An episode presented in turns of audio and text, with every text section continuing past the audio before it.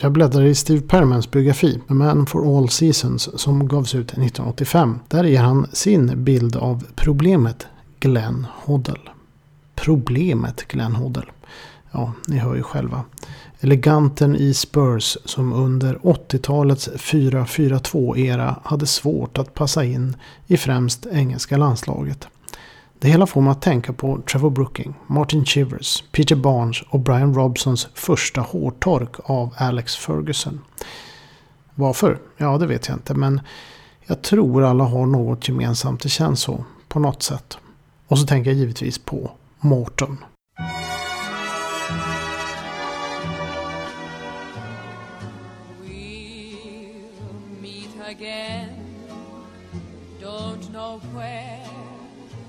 Don't know when, but I know we'll meet again some sunny day.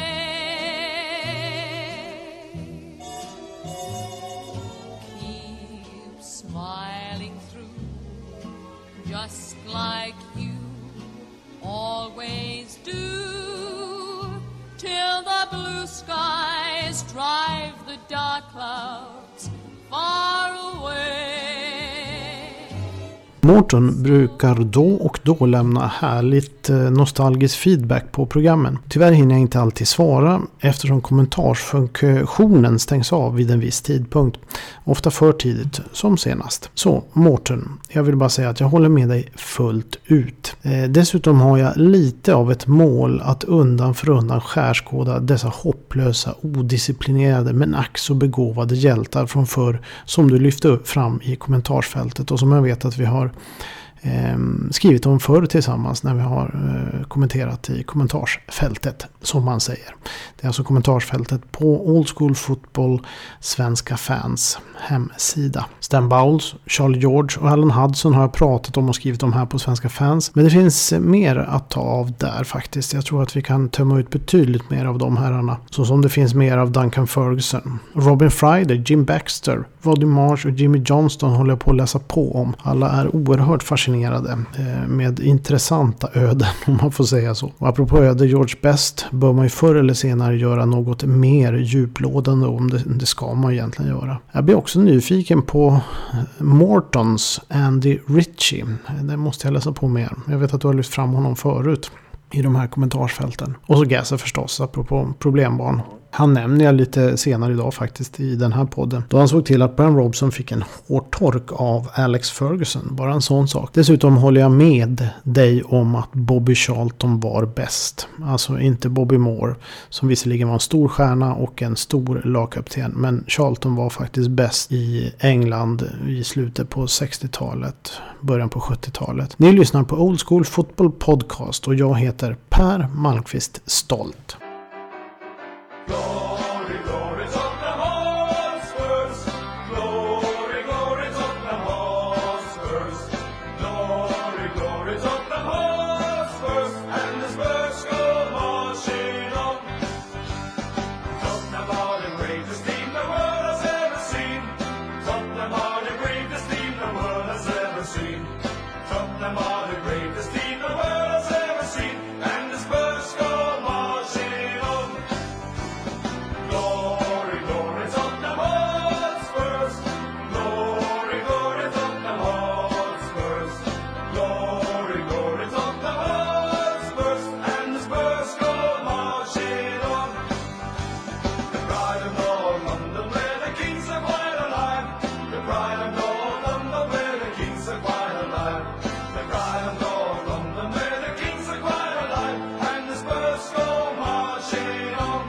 Vissa spelare besitter magisk talang och har allt som man kan önska sig. Med den skillnaden att de är rätt besvärliga att ha att göra med.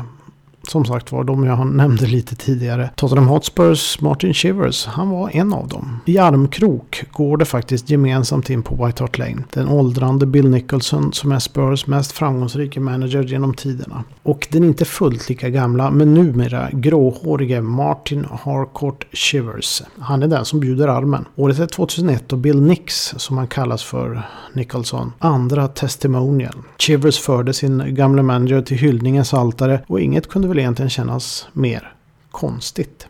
Chivers var nämligen ett problem för Nicholson. Från början till slut. Inte för att Chivers var en dålig spelare. Nej, det blev 24 landskamper för England. Och för Tottenham gjorde han 174 mål på 367 matcher. Dessutom var han Spurs bästa målskytt i de europeiska kupperna i hela 39 år tills rekordet slogs av Jermaine Defoe. Chivers problem var snarare att han aldrig nådde upp till den nivå Bill Nick kunde förvänta sig av den oerhört begåvade forwarden.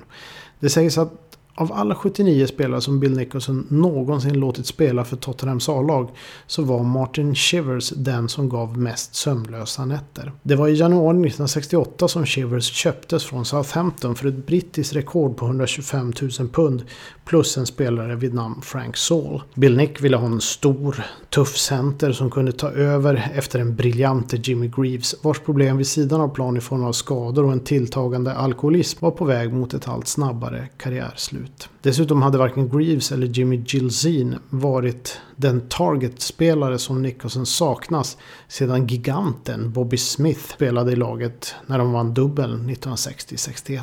Chivers var fostrad i The Saints sedan han i tonåren skrev ett brev och bad om att få provspela. Debuten i A-laget skedde som 17-åring i, september faktiskt 1962 och redan säsongen 63-64 blev han lagets bästa målskytt tillsammans med Terry Payne, också en rätt känd fotbollsspelare från den tiden. Säsongen 1965-66 tog sig The Saints upp i högsta divisionen och Shivers gjorde 30 mål på 39 matcher. Men alla mål kommer under eh, de 29 första matcherna. Kommande säsonger gjorde han en del mål men fick ofta spela andra fiol bakom den walesiske forwarden Ron Davis. Något som gjorde Shivers allt mer missnöjd. I samband med att Bill Nicholson kom med sitt bud hade Southampton dessutom en lovande herre vid namn Mick Shannon på väg in i A-laget. Vilket gjorde att managern Ted Bates i Southampton var beredd att sälja Shivers. Mick Shannon skulle sen göra stor succé och bli en av de allra största engelska forwards under den här tidsperioden. Också med många landskamper. Bland annat radar par i landslaget med Kevin Keegan under en period. Men för Shivers blev det mål i debuten för Spurs 1968. Men sedan gick det tyngre. Gilsin och Greaves föredrogs oftast till dess att Greaves lämnade för West Ham 1970. Det var nu Chivers karriär tog fart. Följande tre säsonger gick lysande och han debuterade i landslaget, avgjorde ligacupfinalen 1970-71 med sina två mål mot Aston Villa. Men fortfarande ansågs han vara letargisk och lat. Men stark och ändå rätt snabb om han var på humör. Ett humör som kunde svänga rätt friskt. Nicholsons assisterande Eddie Bailey hatade Chivers och kallade honom för Mr Awkward. Lynnigheten var ett problem. Då Nicholson och Bailey var rätt van med spelare som tappade humöret men det gick över när allt var utagerat. Shivers kunde gå sura i veckor och dessutom var humöret irrationellt och de visste aldrig riktigt vilket humör den store forwarden skulle vara på. Enligt Nicholson så var Jimmy Greaves hans företrädare raka motsatsen. Där kunde man ha rätt saftiga gräl ena dagen och allt var glömt nästa dag. I september 1968 åkte Shivers på en knäskada vilken skulle hålla honom borta från fotboll bollen i ett år. Hans humör blev allt svartare. Nicholson och hans assisterande fick hela tiden påminna Big Chev om vilken fantastisk spelare han var. Så att han inte skulle gå in i en depression. Den typen av uppmuntran på gränsen till fjäsk var extremt ovanligt på den tiden. Då spelarna snarare skulle tryckas ner i skoskaften och veta sin plats. Eller allra helst alltid vara osäker på sin plats. När Shivers var tillbaka i laget beslutade Nicholson att de behövde stärka tuffheten. Den store forwarden var ju ett kraft kraftpaket som egentligen aldrig gick för fullt. Det sa åt lagkamraten eh, Mike England och Peter Collins att eh, gå på Shivers hårdare under träning. Men när England satte in en tackling blev Shivers så förbannad att smockan hängde i luften och taktiken var kanske egentligen verkningslös. Säsongen 1975-76 blev Shivers sista för Spurs. Problem med skador och dessutom dessutom petad från engelska landslaget där Sir Ralph Ramses efterföljare Joe Mercer och sedan Don Revy helt uppenbart inte var intresserad av den långa anfallarens tjänster. Trots 13 13 mål på 24 matcher han lämnade för schweiziska Servette där han gjorde viss succé innan han avslutade i Norwich och Brighton and Hove Albion. Från Chivers är det dags för nästa problembarn.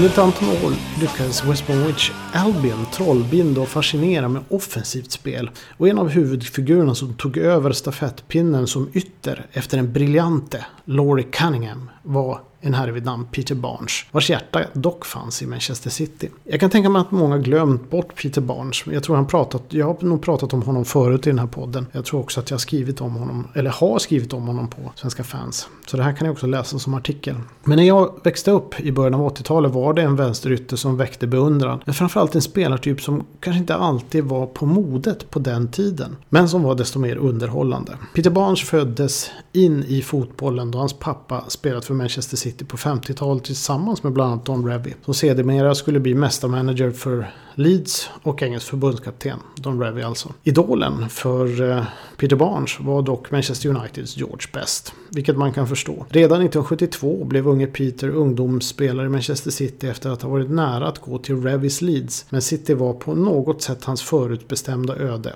A-lagsdebuten kom 1974 som kunde slutat i dundersuccé. Tyvärr missade han en nick i ett bra läge efter inlägg från City-legendaren Mike Summerby. Under 1974 till 79 var visserligen Manchester City inte lika bra som åren innan. Gamla managern Joe Mercer hade lämnat. En person som Barnes beskriver som den sanne gentlemannen som aldrig behövde höja rösten. Men Peter Barnes var dock delaktig i en ljusning under ett par säsonger. 1975-76 vann laget exempelvis ligacupen i final mot Newcastle och Barnes gjorde första målet i en match som slutade 2-1 till City. Barnes blev utnämnd till PFA Young Player of the Year samma säsong tillsammans med Pat Jennings som blev utnämnd som Player of the Year. Idel ädel fotbollsadel från 70-talet. Barnes var nog inte en favorit hos stor, stormålvakten faktiskt, just Pat Jennings. Då han i en 5-1-match mot Spurs, där Jennings stod på den tiden, förnedrat nordirländare med en lättsam chip. Vilket resulterade i ett mål som Barnes själv ansåg som ett utav hans allra finaste. Några säsonger senare skulle han göra om samma sak en gång till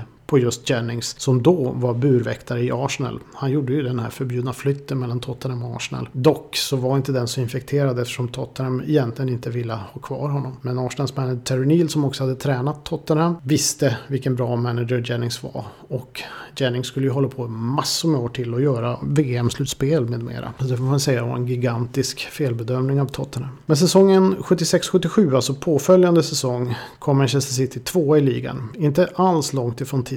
Därefter gick det dock utför och när Malcolm Allison återvände som manager 1979 sålde han Barnes till West Bromwich för det facila priset av 748 000 pund. Vilket i 18 år var den högsta transfersumma West Bromwich betalat för en spelare. West Bromwich leddes på den tiden av den jovialiske managern Ron Atkinson. Och säsongen 78-79 hade laget slutat trea i ligan med spelare som Tony Godden, Tony Bomber Brown, John Weil, Brian Robson, Brendan Butson, Laurie Cunningham och Cyril Regis för att nämna några. Cunningham Fick dock kontrakt med Real Madrid och Barnes var den perfekta ersättaren. Atkinson föredrog att spela med två utpräglade yttrar, vilket var en offensiv strategi som var på väg att bli helt omodern. Den hade väl egentligen redan varit omodernt i mitten av 60-talet när eh, Sir Alf Ramsey vann VM för England eh, 1966 med The Wingless Wonders, det vill säga 4-3-3 utan några riktiga yttrar. Men även när man körde 4-4-2 så hade man inte helt utpräglade yttrar i många lag, utan det var ofta vänster och höger mittfältare som lika gärna kunde gå inåt i banan. Så den utpräglade ytten förde en tynande tillvaro vilket Barnes fick erfara när Atkinson gick vidare till Manchester United. Barnes stod istället vidare till Leeds då han inte var önskvärd längre i West Bromwich och sen Real Betis och sen Leeds igen samt Coventry City. Men succén uteblev.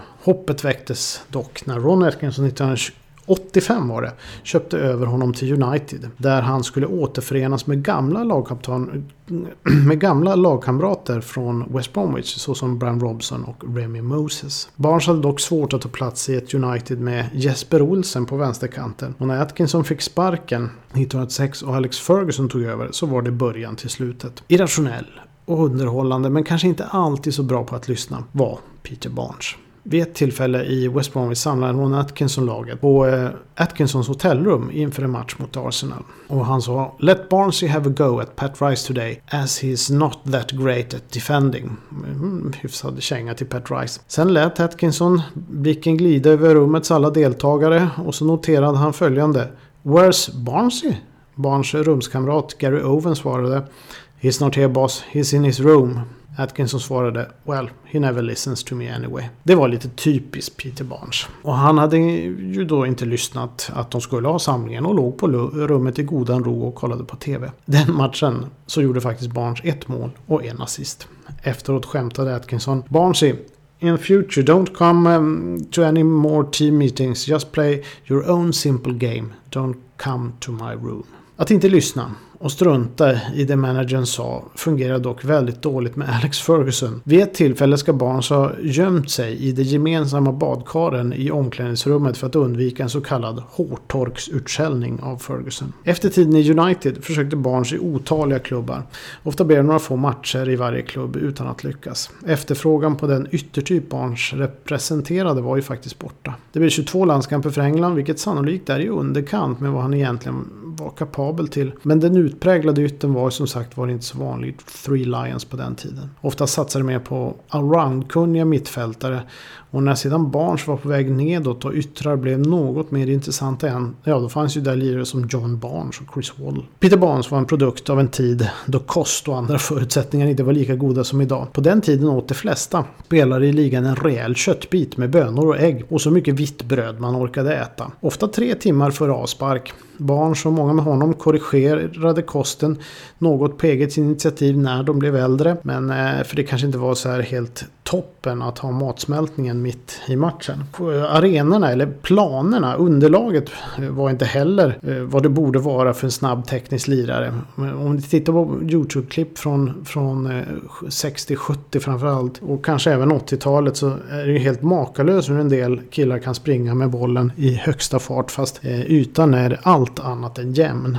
Barns hatarena var för övrigt Darby Countys Baseball Ground. Efter november var det nämligen en veritabel leråker och fansen var rätt nära. Så om man var tvungen att ta en hörna kändes det som om fansen var över en och dessutom regnade det saker av olika storlek och hårdhet. En gång var det en sådan lervälling att när Darby fick straff blev domaren tvungen att ta fram ett snöre och mäta var straffpunkten borde vara. Därefter hämtades en burk med färg för att måla upp punkten innan straffen kunde slås. Men Peter Barnes, han var en tipsextra-profil och lirare som kanske inte tajmade sin karriär helt rätt, men lika fullt en legendar. Och hårtorken från Alex Ferguson var han inte ensam om att få.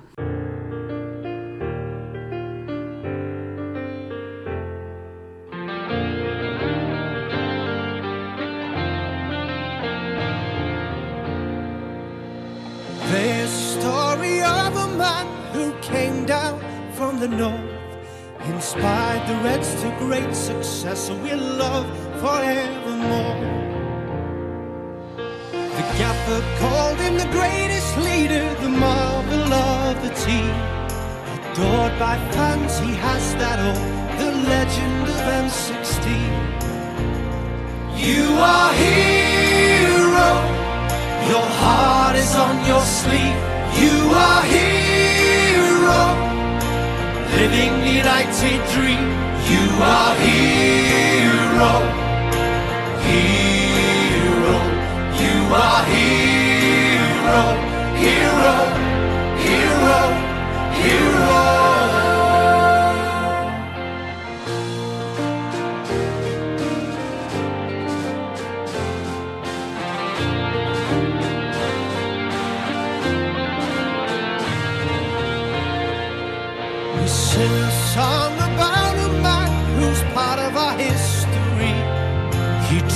The world with silverware and got the OB. He wore the number seven shirt, the captain of the team. The only thing I ask is, Brian, come celebrate with me.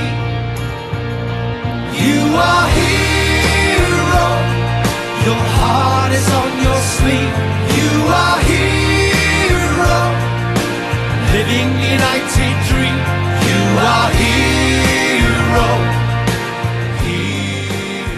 Brian Robson.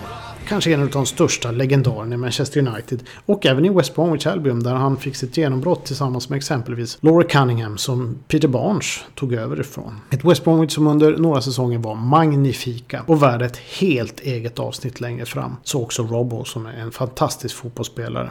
Men jag kunde inte låta bli att undra om den mäktige Robson också fått sin hårtork någon gång av Alex Ferguson. Och enligt Robson i sin egna biografi har det faktiskt hänt. Men bara en gång.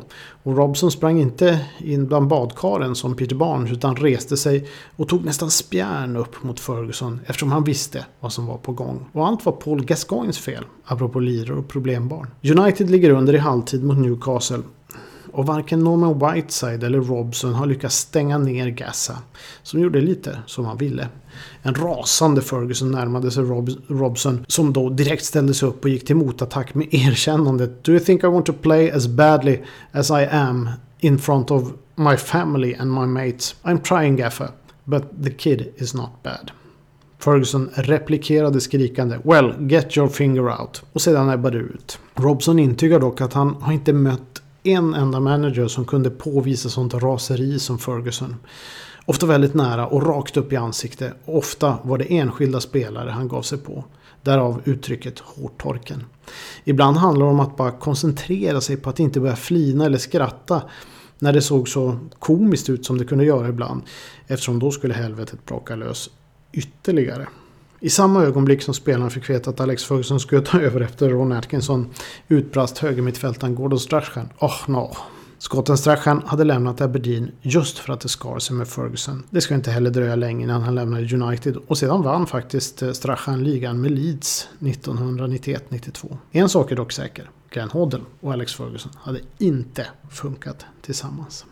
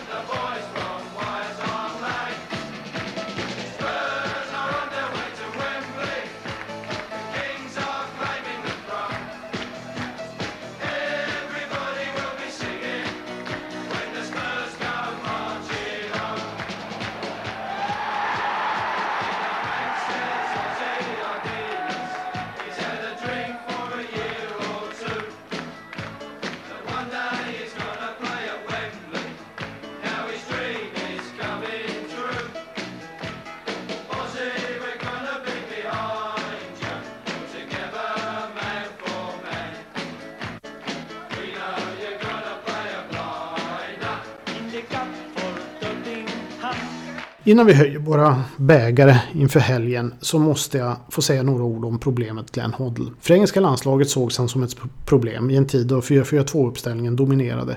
Vilket innebar att det sällan fanns plats för en lirare på mitten mittfält. Det hade man inte råd med, särskilt inte en som Hoddle som sällan brydde sig ens om att försöka ta sin gubbe.